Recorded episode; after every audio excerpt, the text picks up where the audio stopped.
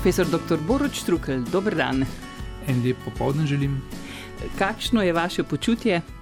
Uh, danes je prav posebej napeto, namreč že od šestih zjutraj imam neprestano ali sestanke, bil sem že enkrat uh, v vaši hiši na Radiu Ljubljana, uh, kjer smo imeli nasvete, potem so predavanja, potem so seveda nasveti za posameznike. Skratka, Danes do, do 20, 21 zvečer bo delo in če bi bo to uspelo, bom zadovoljen. Rekli ste od 6 zjutraj, slišim pa, da ob 4 vstanete, se pravi, tisti dve uri sta za vas? Uh, ja, torej zelo veliko krat vstanem ob 4 do pol 5, predvsem ko je sonček na krvavcu. Uh, po zimi in seveda imam letno karto, in če se da, recimo, grem v službo do 8:30, potem sem dve uri na krvavcu, pa pa spet naprej. Sicer pa je dela toliko, da ja, zelo zgodaj vstajam in zjutraj mir, zjutraj veliko naredim, nisem nočnič človek.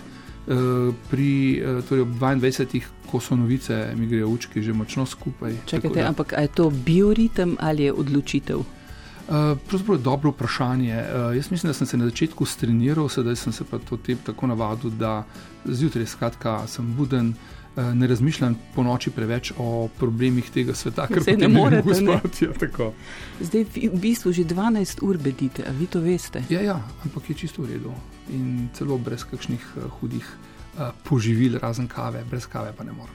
E, zdaj smo vsi skupaj v pričakovanju odločitve Evropske agencije e, za zdravila EME, ki prav zdaj oziroma je ob štirih začela sprejemati priporočila o uporabi cepiva AstraZeneca.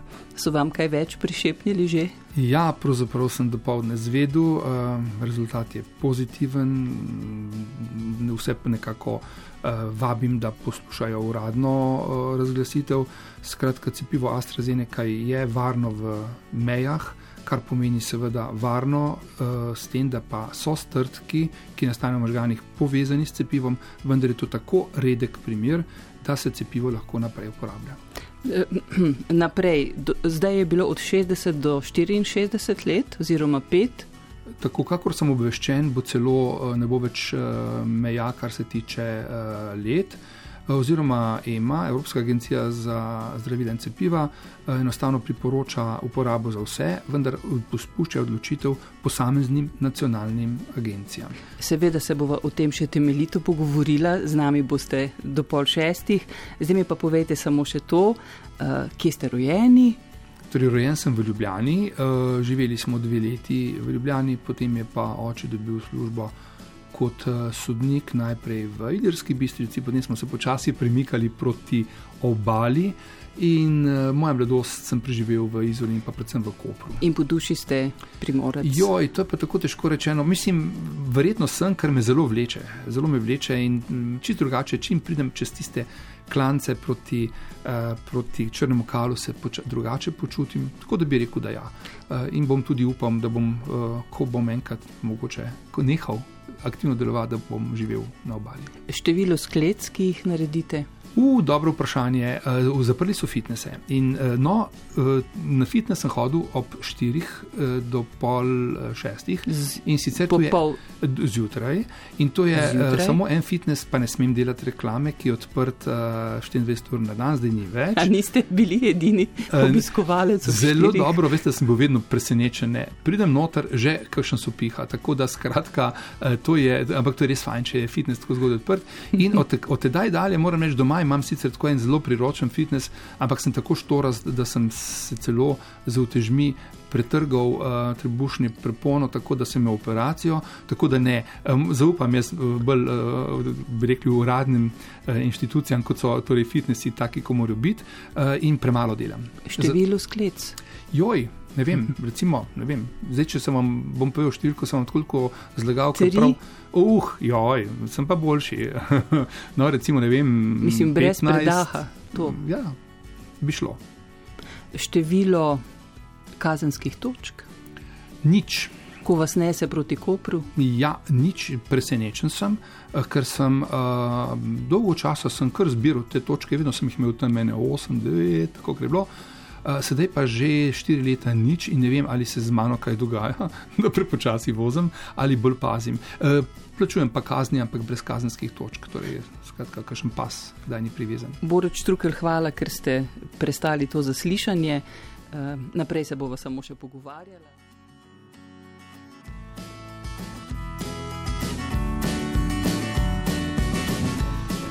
Borod Štrukel, redni profesor na Ljubljanski fakulteti za farmacijo, predava, raziskuje kot raziskovalec tudi na inštitutu Jožef Štefan. Eh, kot izvedenec ste vrsto let delovali pri Evropski agenciji za zdravila, to je ta, ki jo zdaj vsi poznamo, EMA. Imenom EMA. EMA in um, katere priporočila ste nam pred petimi minutami sveža povedali, gre za cepivo Astra Zeneka. Uh, rekli ste, če zelo po domače povem, uh, da je prosto za pravzaprav vse starostne skupine. Tako je, torej mogoče bi lahko bilo tudi seveda priporočilo za določene starostne skupine. Tukaj je bil en osnovni problem ta, da so v kliničnih študijah vključili premalo starejših nad 65 let. Zato mhm. so bili pač določeni rezultati nekoliko drugačni. Z večjim cepljenjem pogotavljamo, da so tudi tisti nad 65 let relativno dobro zaščiteni. Ampak dovolite, to AstroZeneco spremlja kar precej napak že od že, že nekaj časa. Ne?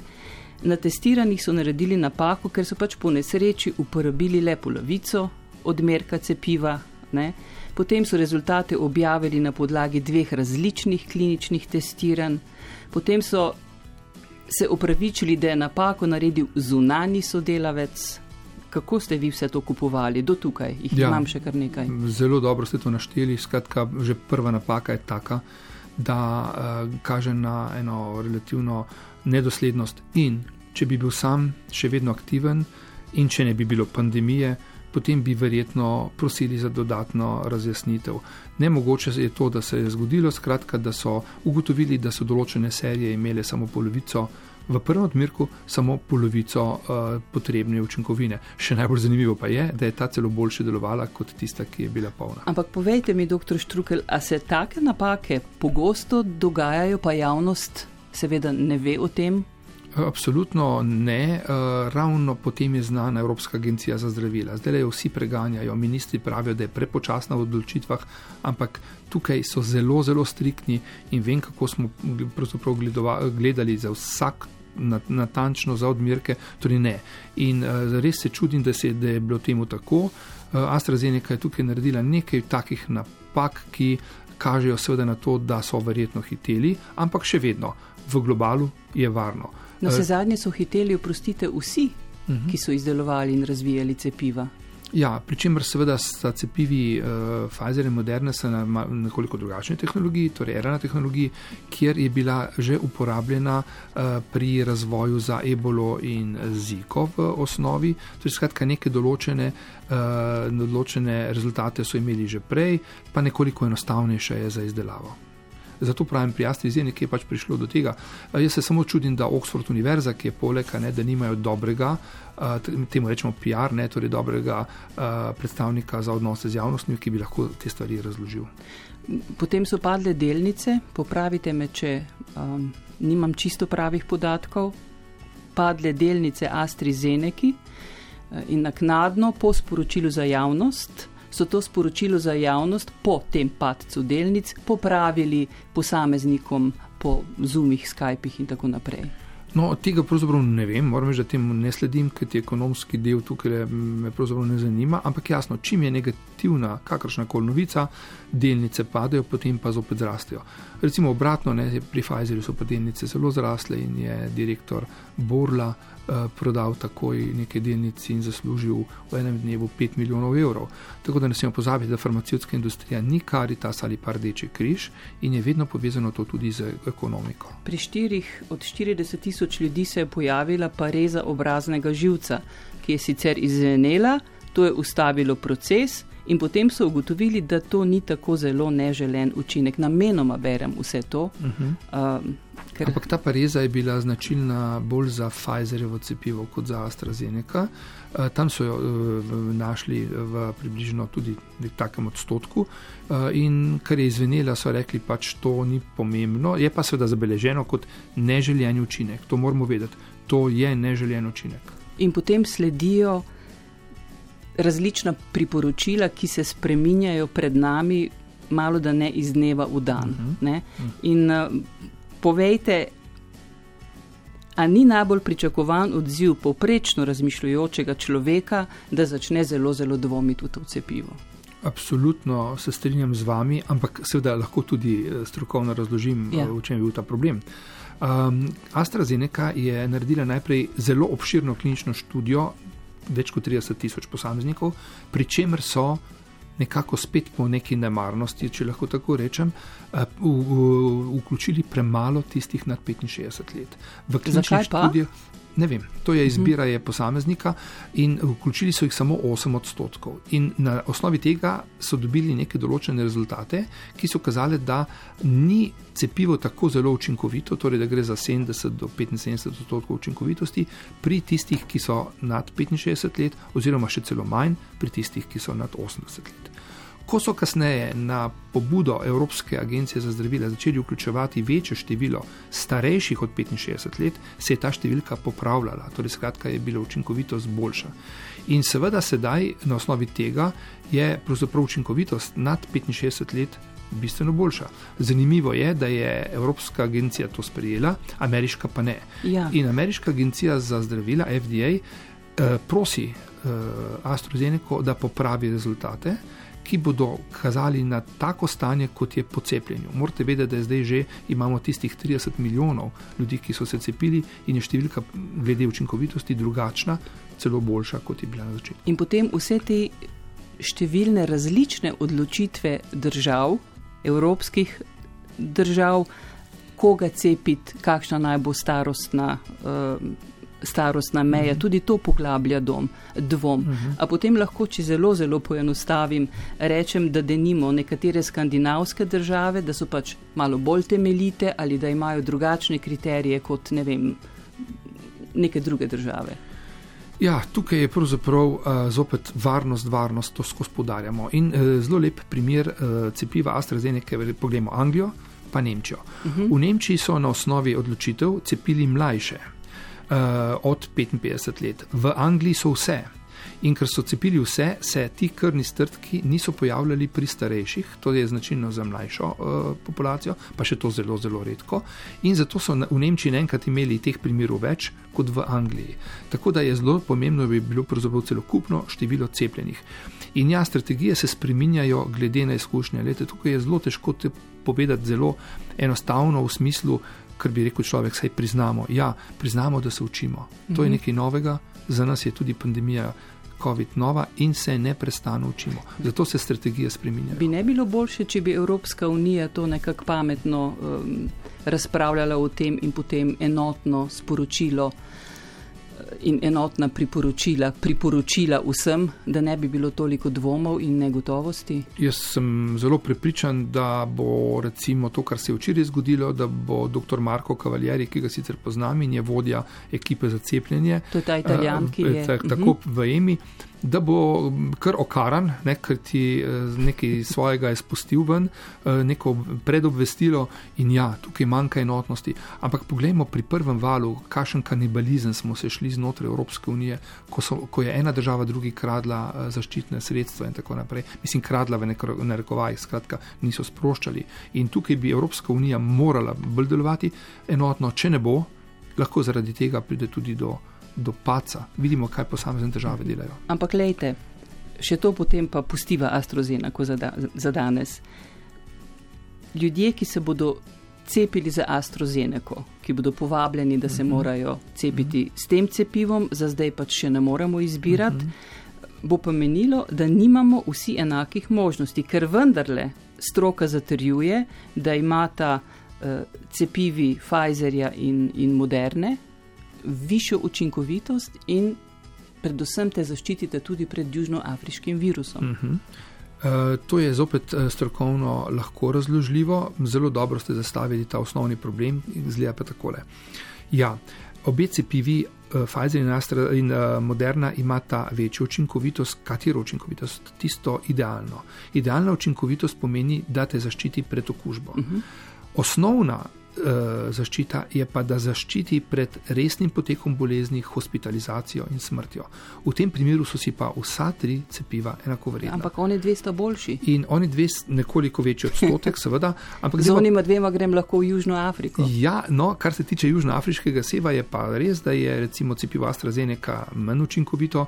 Ampak, veste, to je tako. Vse tri družbe že delajo nove različice, to je zelo enostavno z novimi tehnologijami, tako da se pa čisto strinjam z vami. In ne na zadnje, uh, najboljše cepivo proti gripi, pa ne bom povedal, katero je, uh, je samo 50 odstotkov učinkovito, pa se vseeno cepimo. Ne? Torej, tisti 70 odstotki, 80 odstotki učinkovitost, 90, seveda, vsi želimo imeti nekaj najboljšega. Seveda.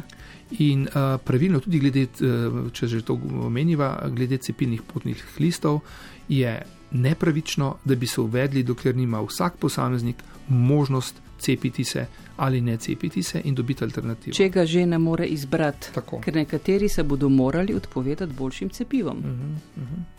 Ja, drži, no, in seveda, če želimo videti zopet morje in vse ostalo. Vse vas ne kregam, ne? ne, sploh ne. Jaz se, jaz se zelo strinjam s tem in pravim, ko imamo na razpolago vse, pa tega ne zberemo, mora biti še vedno alternativa na razpolago. Torej, skratka, če se ne, nekdo ne bo hotel cepiti, ima vso pravico.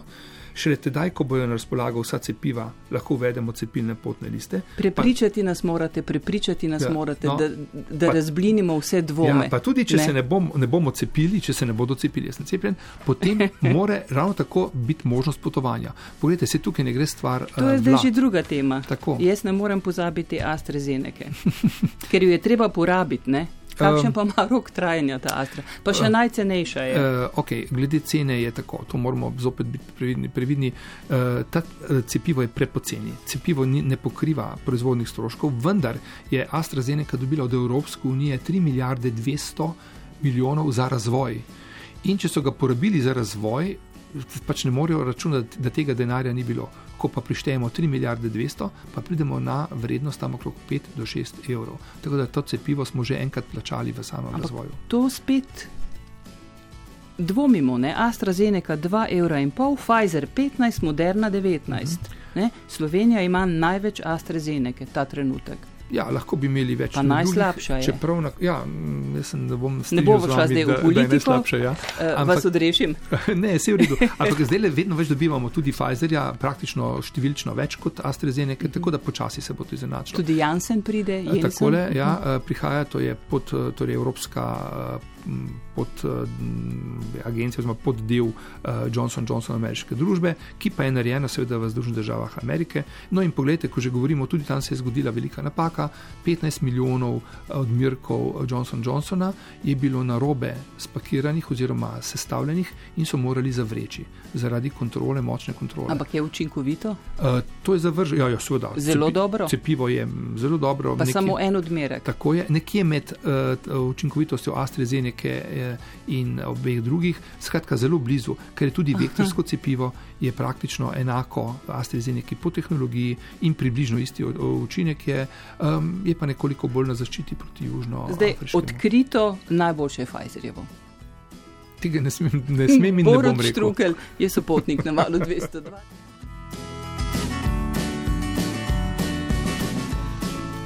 Doktor Boruč Štrukel z Ljubljanske fakultete za farmacijo je prišel na val 202. Za katere gene, dr. Štrukel, ste hvaležni, da jih imate? Ja, eh, pravzaprav lahko odgovorim z besedami že pokojnega profesora Karbe, ki je bil res meni ne samo profesor, ampak prijatelj. In je rekel tako: je rekel, z geni prideš in se rodiš, potem je pa odvisno, kako z njimi delaš.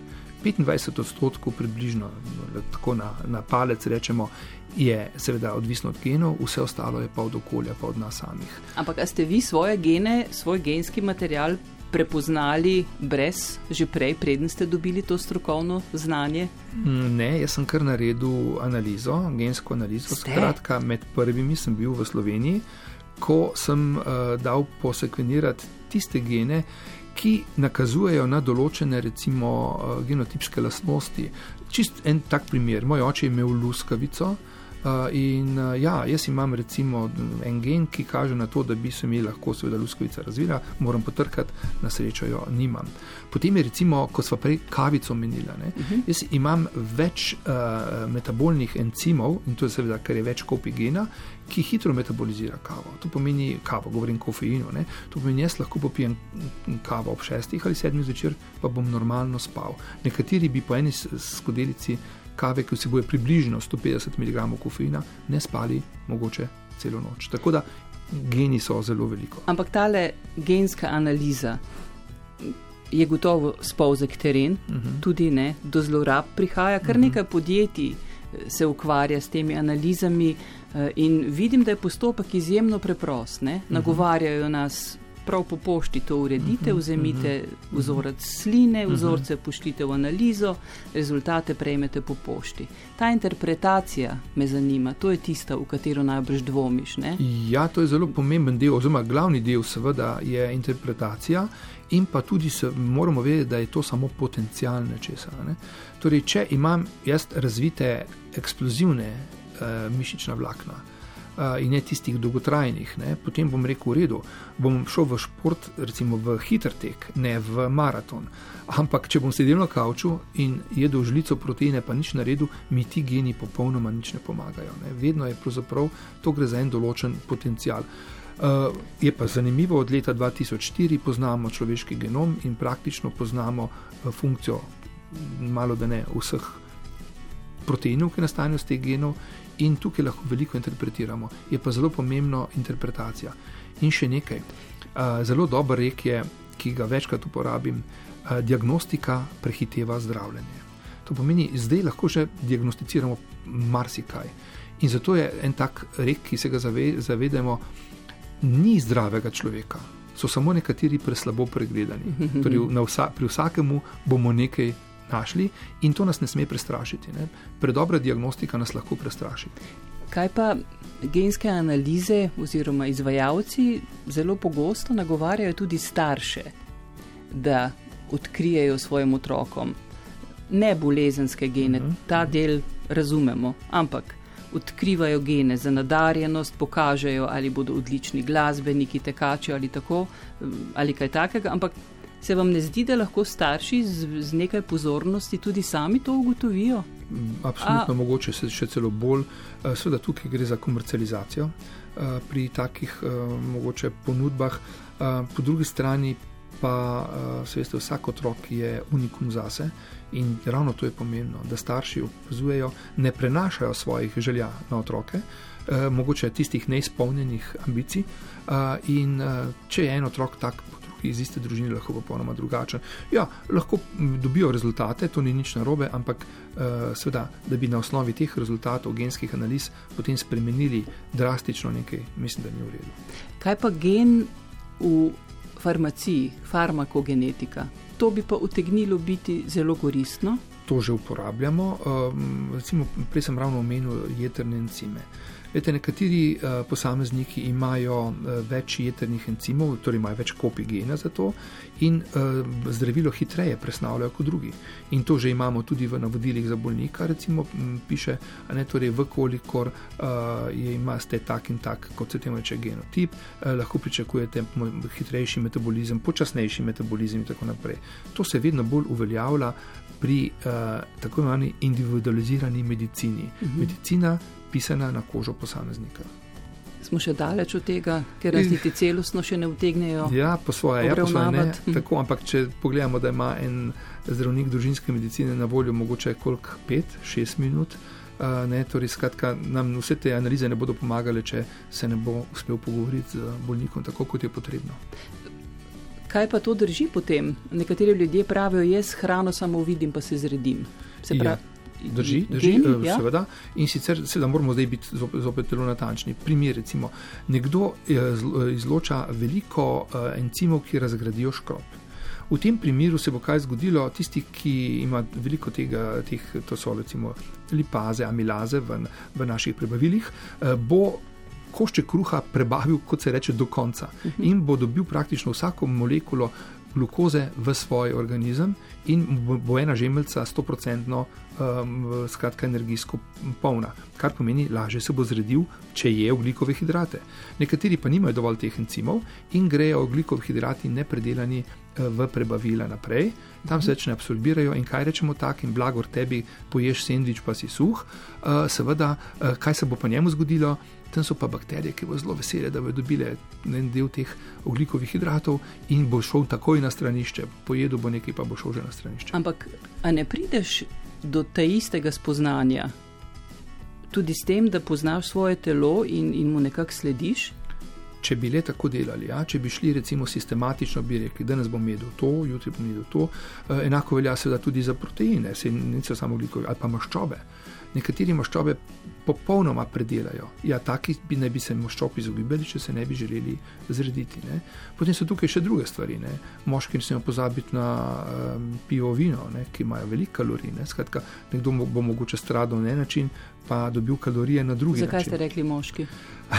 ja, no, recimo, da je, da, recimo, da je pitje piva, uh, jaz sicer sam sem bolj za izrazito moški domeni. Ja, mogoče nekoliko bolj ne. Uh, ali pa tudi ne, skratka, vse veste, da je alkoholizem v Sloveniji kar problem. Ne. Ampak spol nima uh, zveze uh, s presnavljanjem. Ne, ne, ne, ne, ne, ne, ne, no, ne, ne. ne, to ne, to običajno ne, kajti um, alkohol inducira jetrne encime in če bo uh, nežna deklica močno v narekovajih trenirala in pila dovolj alkohola, bo, bo mogoče mogoče nesla kakšnega krepkega moškega, uh, ki ne pije. Se pravi, s trajnostjo se da vse, vse narediti.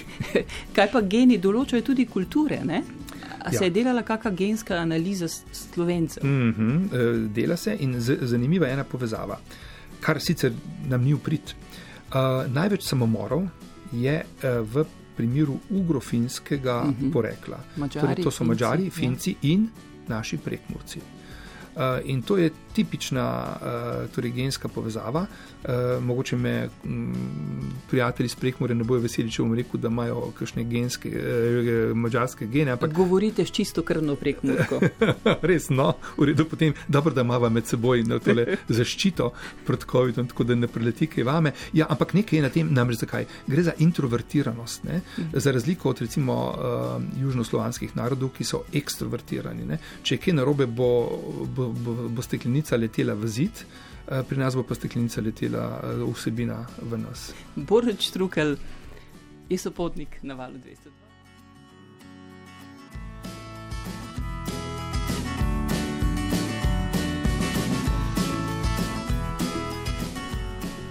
Boruč Trukel je, smem reči, farmacevtski raziskovalec.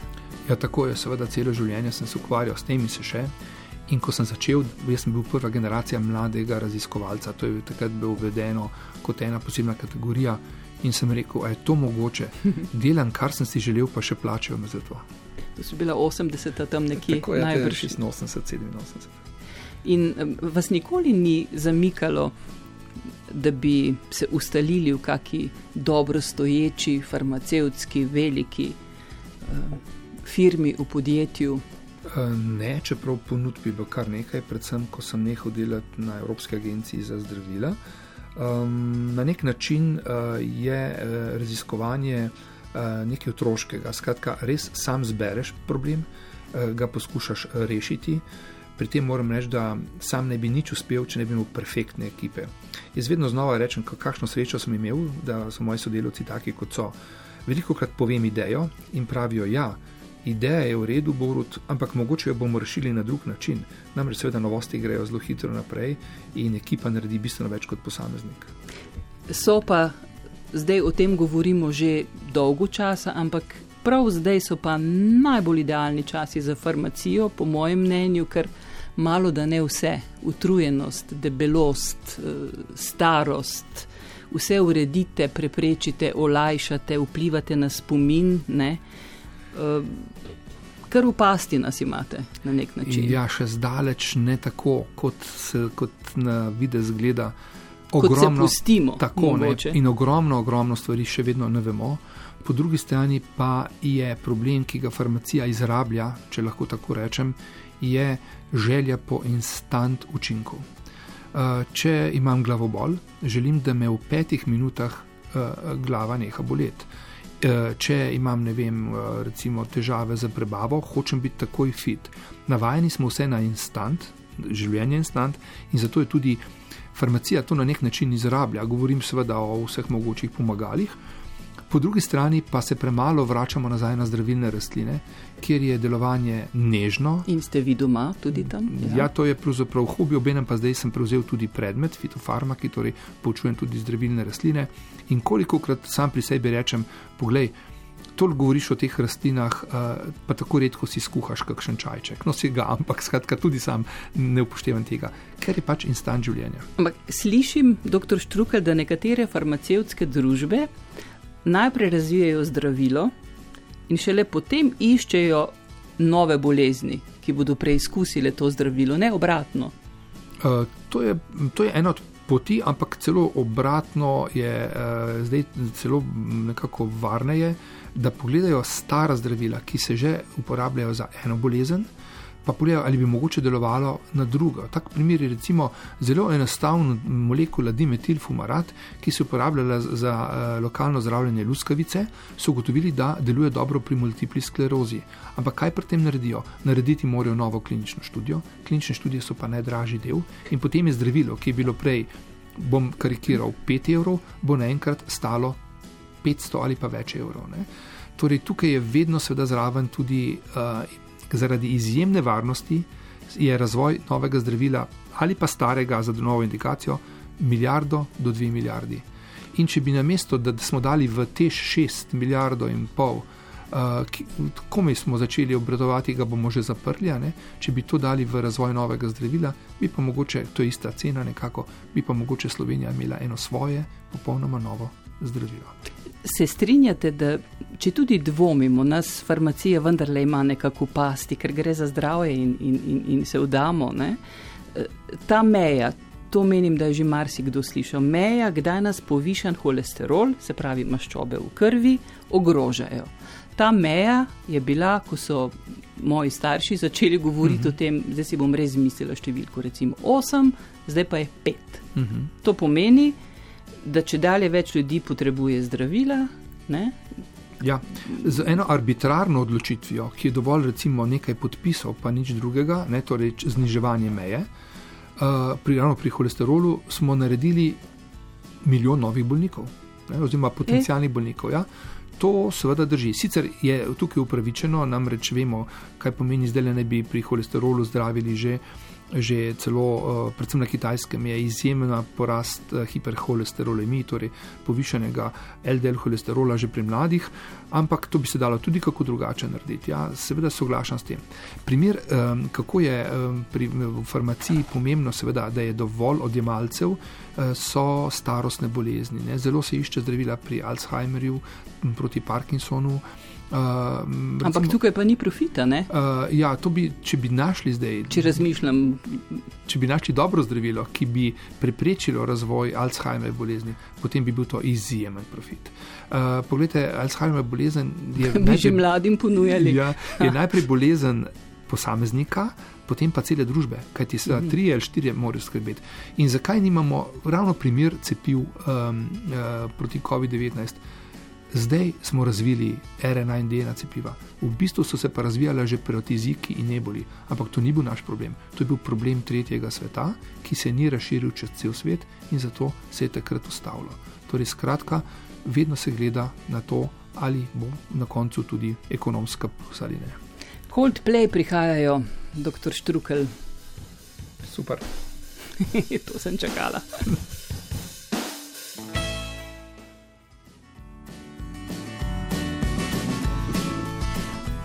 Borod Štrukel je redni profesor na Ljubljanski fakulteti za farmacijo, predava in raziskuje, doktoriral je na nizozemskem, soavtor več svetovnih patentnih prijav, kot raziskovalec dela tudi na inštitutu Jožef Štefan, zdaj je sopotnik na valu 202.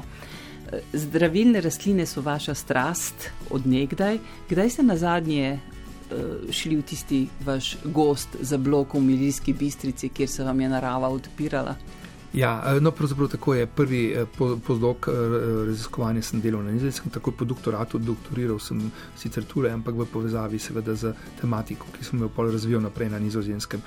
Ja, torej nekaj časa smo živeli v Ilirski bistrici, takoj za blokom je bil že gost in uh, zbežal sem. Veliko krat sem zbežal, mamici. Uh, zelo zanimivo je bilo, da sem pravzaprav uh, šel na mesto v vrtec, zadnje leto vrca, sem šel kar v gost in potem so po, po dveh dnevih poklicali, potem normalno ob 12. domov, ključ je bil pod prepražnikom in so vprašali, mamo, ja, a je kaj narobe z vašim sinom? Rekla, kako se je pri vas, ne? to je bila ena vrste mala šola. Ne? In ne, jaz sem kar šprical ne, to malo šolo in sem šel v naravo in bil sem pripričan, da bom gozdar. Uh, za rojstni dan sem si takrat zaželel sekiro, no, seveda, otroku pri šestih letih ne kupiš sekire ne, za rojstni dan, uh, ampak to je ostalo od nekdaj in že pri tabornikih uh, so me tudi klicali. Uh, apotekar. apotekar. Kdaj vam je kdo na zadnje apotekar rekel? ja, to je bilo kar pogosto, ne, ker sem pač zdaj razlagal. ne več. Ne, zdaj pa ne, ne. več, ampak mi žal, ker pravzaprav nisem. In, uh, prva osnovna moja želja je bila končati fakulteto za farmacijo in delati v lekarni, ampak potem se je znanost pač pokazala kot tisto, kar je torej znanost na, v laboratorijih. Povejte, kaj je na zadnje nastalo, če se še spomnite, v vašem gimnazijskem laboratoriju iz tih, tih časov? Slišim, da ste polovico stanovanja v laboratoriju spremenili. Ja, da sem delal pri Kopru, sem imel kar lep laboratorij. Um, moja mama je takrat že pokojna in je verjetno zaradi tega tudi oči predvsej. Uh, mogoče sredstvo tudi porabil, da mi je zadovoljil moje želje in sem imel zelo dober laboratorij. Kakšne petarde pa to? Uh, ne, ne, to je bilo začetek. Ja. V Trst smo hodili, sem hodil po kar se je dalo pač kupiti od materijalov in tako naprej, ker v, takrat v bivši Jugoslaviji tega ni bilo. Ne, z rastlinami sem se ukvarjal, izoliral sem alkaloide, dobro se spomnim, da je mi uspel izolacija atropina iz volče češnje. To, bilo... to ni ta čarovniška je, ta element. Je, to je tudi del eh, mazil, uh, mazil ki so jih uporabljale uh, torej tiste um, zeliščarice za določene, torej deluje atropino oziroma zleče volče češnje, deluje pomirjajoče oziroma spazmolitično, temu rečemo notranje, zunanje pa so se mazale po raznih sluznicah in to privablja ene vrste halucinacije ki imajo tudi uh, uh, torej spolno obarvane uh, neke občutke. To še deluje, uh, ta volča češnja? Volča češnja deluje, Mislim. nobenemu ne svetujem, ker je um, predoziranje lahko zelo, zelo nevarno. Uh, ampak Valvazor je to lepo opisoval. Uh, ravno tako je delovalo. in, je, in na ta način bi bile celo čarovnice v Sloveniji. Namreč seveda, takrat, ko so bile um, recimo, te zeliščarice pod vplivom um, halucinogenov iz volče češnje, iz kranske bunike, potem imamo tukaj črni zobnik, to so vse rastline, ki pri nas rastejo. Čakajte, ampak mi lahko zdaj gremo po volčjo češnjo in jo skuhamo v čaju? E, zelo bi vam odsvetoval to. Bi. Skratka, prišlo bi absolutno do zastrupitve. Zakaj? Zato, ker ne vemo, koliko je teh snovi v posamezni mm. rastlini in pravimo, za rastline, ki imajo močno delovanje, morajo biti v rokah strokovnjaka. Paracelsus je rekel, sola dozis facit venenum. Torej, samo od eh, odmerka je odvisno, ali bo neka snov zdravilna ali bo strup. In če boste skuhali čaj z volče češnje, bo to absolutno prišlo do zastrupitve, odsvetujem. Če rečemo strupene rastline, so strupene za lajke, za farmacevte so pa zdravilne. Kaj pa v vašem kuhinjskem laboratoriju, recimo zdaj med korono, uh mhm. -huh. najbolj pogosteje ustvarjate? Marsikaj, eh, zelo rad kuham, to me je prisililo pa zaradi mm, moje življenjske zgodbe.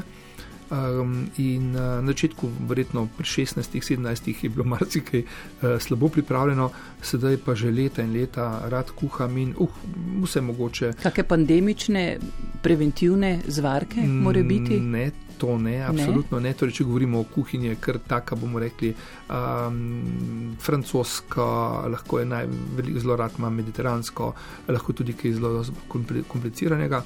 Drugače pa, ja, rekel sem, premalo pijem čaja, čaj, ampak zadnje čase pa kar zdaj, ko imam čas, uh, recimo zjutraj ob štirih um, pripravim kar recimo liter nekih uh, ras, mešanice rastlin.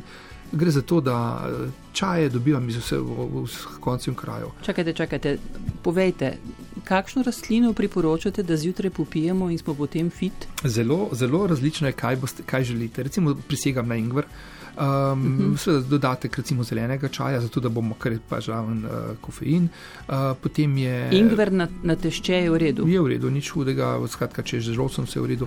Potem imamo tukaj uh, meto, ki nas neprestano poživlja, um, včasih tudi kakšno normalno, zelo različno uh, in na ta način pač po, po občutku uh, lahko skuhamo liter in do liter in pol tekočine zaužijemo čez dan in potem s tem tudi hidriramo. Koliko telo. ingverja vi dodate? Um, ponavadi je, narežem recimo 3-4 kolobarčke, tako da je okus, da Centimeter. ne peče preveč tako. Recimo, uh -huh. Zdaj greva v velike podrobnosti, ampak skratka, uh, ja, zelo, zelo, zelo različno, kakor kdaj. Ne. Pa, pa ne, ne bom rekel, da vsak dan kuham, ampak ja. uh, te, te, kot ste rekli, zvarke, zdravilne čaje, um, ampak še vedno postajam na kavi, torej skratka kombinacija. Kaj pa vitamin C, D3 in nekateri priporočajo tudi cink?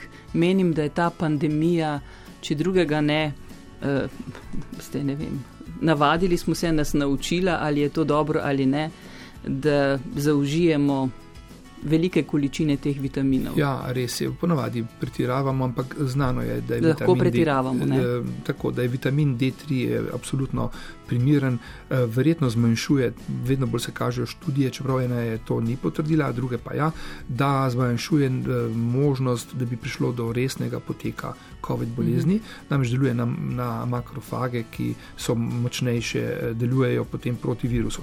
Druga stvar je vitamin C, je absolutno zdrav, ampak če pretiravamo z vitaminom C, moramo dovolj tekočine. To mi povejte. Združene države priporočajo 1000 mg evropska priporočila so 500. Zdaj sem mhm. poenostavila, ampak mislim, da je uh -huh, uh -huh. taka razlika. Ja. No, pravzaprav... Zakaj so to tako zelo različna ja. priporočila? Uh, Farmacija in denar? Um, mogoče, ja. Američani zelo radi pretiravajo. Če pogledamo prehranska dopolnila z vitamini, ki se uvažajo iz Združenih držav Amerike, imajo vedno več kot 100%, temu rečemo RDA oziroma dnevni odmerek. Vitamin C je celo 110 mg bil nekaj časa dovolj. Um, zdaj v, v zimskem času pravimo več. Še enkrat upozorjam, vitamin C je izjemno koristen in uh, ni nevaren, ker je vodotopni vitamin. Vendar, če ne pijemo dovolj, lahko nastanejo mikrokristalizacijska jedra v ledvicah in dobimo ledvični pesek. Tega pa ne želimo. Ne? Zato pri večji količini vitamina C, recimo gram in več, ne bo nič narobe, ampak dovolj pit, dovolj tekočine. Dva litra minimalno. Recimo, to bi bilo sploh super za kožo. Jaz recimo imam uh, to navado in to me vsi poznajo, uh, ko se odpre uh, bife pri fakulteti, torej to je seveda uh, bife s kavo. Da ne bo kdo kaj drugače mislil, to on ob šestih se odpre, jaz že pridem takrat uh, iz fakultete, že ponavadi kar nekaj sem naredil. In uh, gospa, ki je lasnica, nikoli ne naročim, ampak vedno pripravi 3 decilitre vode z eno limono in to je moj uredno dnevni obrok okrog šestih zjutraj. Na tešče? Na tešče. Eh, to pa ni zdravo. Uh, zdaj ne vem, jaz moj želodec ni, ni, pravijo, pravijo da jim, jim zelo, zelo dober želodec, skratka, jaz sem se na to navadil. Uh, Sveda, je pa fajn, če bi mogoče kaj pojedel. Pa, zjutraj ne. Boroč Trugel, sopotnik na valu 202. Boroč Trugel, profesor z Ljubljanske fakultete za farmacijo, nekaj časa še imava. Hiter razvoj cepiv, tam me najbolj muči. In vas lepo prosim, če poveste dva argumenta, zelo na kratko, zakaj lahko zaupamo, čeprav so tako drveli in ponavadi šest let razvijajo cepiva. Tako je osnova uh, teh cepiv z novo tehnologijo, pravzaprav ni stara eno leto, ampak je stara 7 do 8 let. Eh, namreč leta 2012 smo razvijali cepiva za ebolo, ziko, denge. To je prva stvar. Drugič, enormen uložek ekonomski. Če 10 tisoč raziskovalcev razvija ali pa če jih pet, je nekaj popolnoma drugače. Eh, in eh, tretja stvar, regulatorne oblasti so prišle nasproti in so bistveno skrajšale postopke časovne postopke pregledovanja dokumentacije. Ne, to ne pomeni, da so, da so šlampasti, ampak to pomeni, da delajo noč in dan, da jim ni treba odgovoriti. Običajno se odgovori v 210 dnevih, sedaj imamo 70 dni in kar je še zelo, zelo pomembno, spremljajo, recimo EMA spremlja razvoj v, že v kliničnih fazah, do sedaj temu ni bilo tako. Dokumentacija je mogla biti popolna in šele potem se je začelo uh, pregledovanje. Kaj pa zdaj ta varnost? Do večine zapletov pride po vem, 14 dneh, ne? No, sedem, tako, tako, sedem, tako. Kaj pa varnost za 3 mesece, 6 mesecev, 2 leti po cepljenju? Uh, če bi bil Nostradamus. Raziskovalci moramo biti kritični in moramo reči zelo na kratko, dolgoročnih varnosti pri teh novih tehnologij, tehnologijah ne poznamo. Seveda poskušamo in mi smo vedno presenečeni, kako je, so bolj varne kot že doslej, kot smo mislili, ampak bodimo odkriti, skratka, dolgoročnih um, učinkov ta trenutek še ne moremo napovedati. Jaz sem optimist, če bo pa kako drugače, bom se bom vsem opravičil in spremenil svoje mnenje. Ta trenutek kaže dobro. Kdaj greste spet v Združene države? Eh, čim bo mogoče, eh, torej na Diken University, kjer sem eh, redni gost, gostujoči profesor, že vabijo, ampak seveda gre za problem, ravno pa njih je ravno tako COVID, tisti, ki blokira. Ampak zelo verjetno bom septembra, oktobra zopet šel na predavanje. Kdaj greste v domači Koper? Uh, v, če bo lepo sreči, bom petek, sobota prisoten. Imate raje Koper ali Ljubljano? Eh, zelo težko, eno in drugo, Ljubljana mi je zelo blizu. Eh, Kaj imate raje? Ne morem odgovoriti. Eh, je, jaz sem tehnica po horoskopu in sistem uh, olajšam zadeve. Imate raje tek ali smučanje? Uh, smučanje, absolutno. Uh, smučam zelo rad, uh, sem pravzaprav tukaj, ker moram reči, res veliko naredil na, na sebi in ja, smučanje mi pomeni vse. Boroč Trukel, hvala lepa in vse dobro. Hvala lepa za povabilo, zelo sem vesel, da sem lahko z vami. Srečno.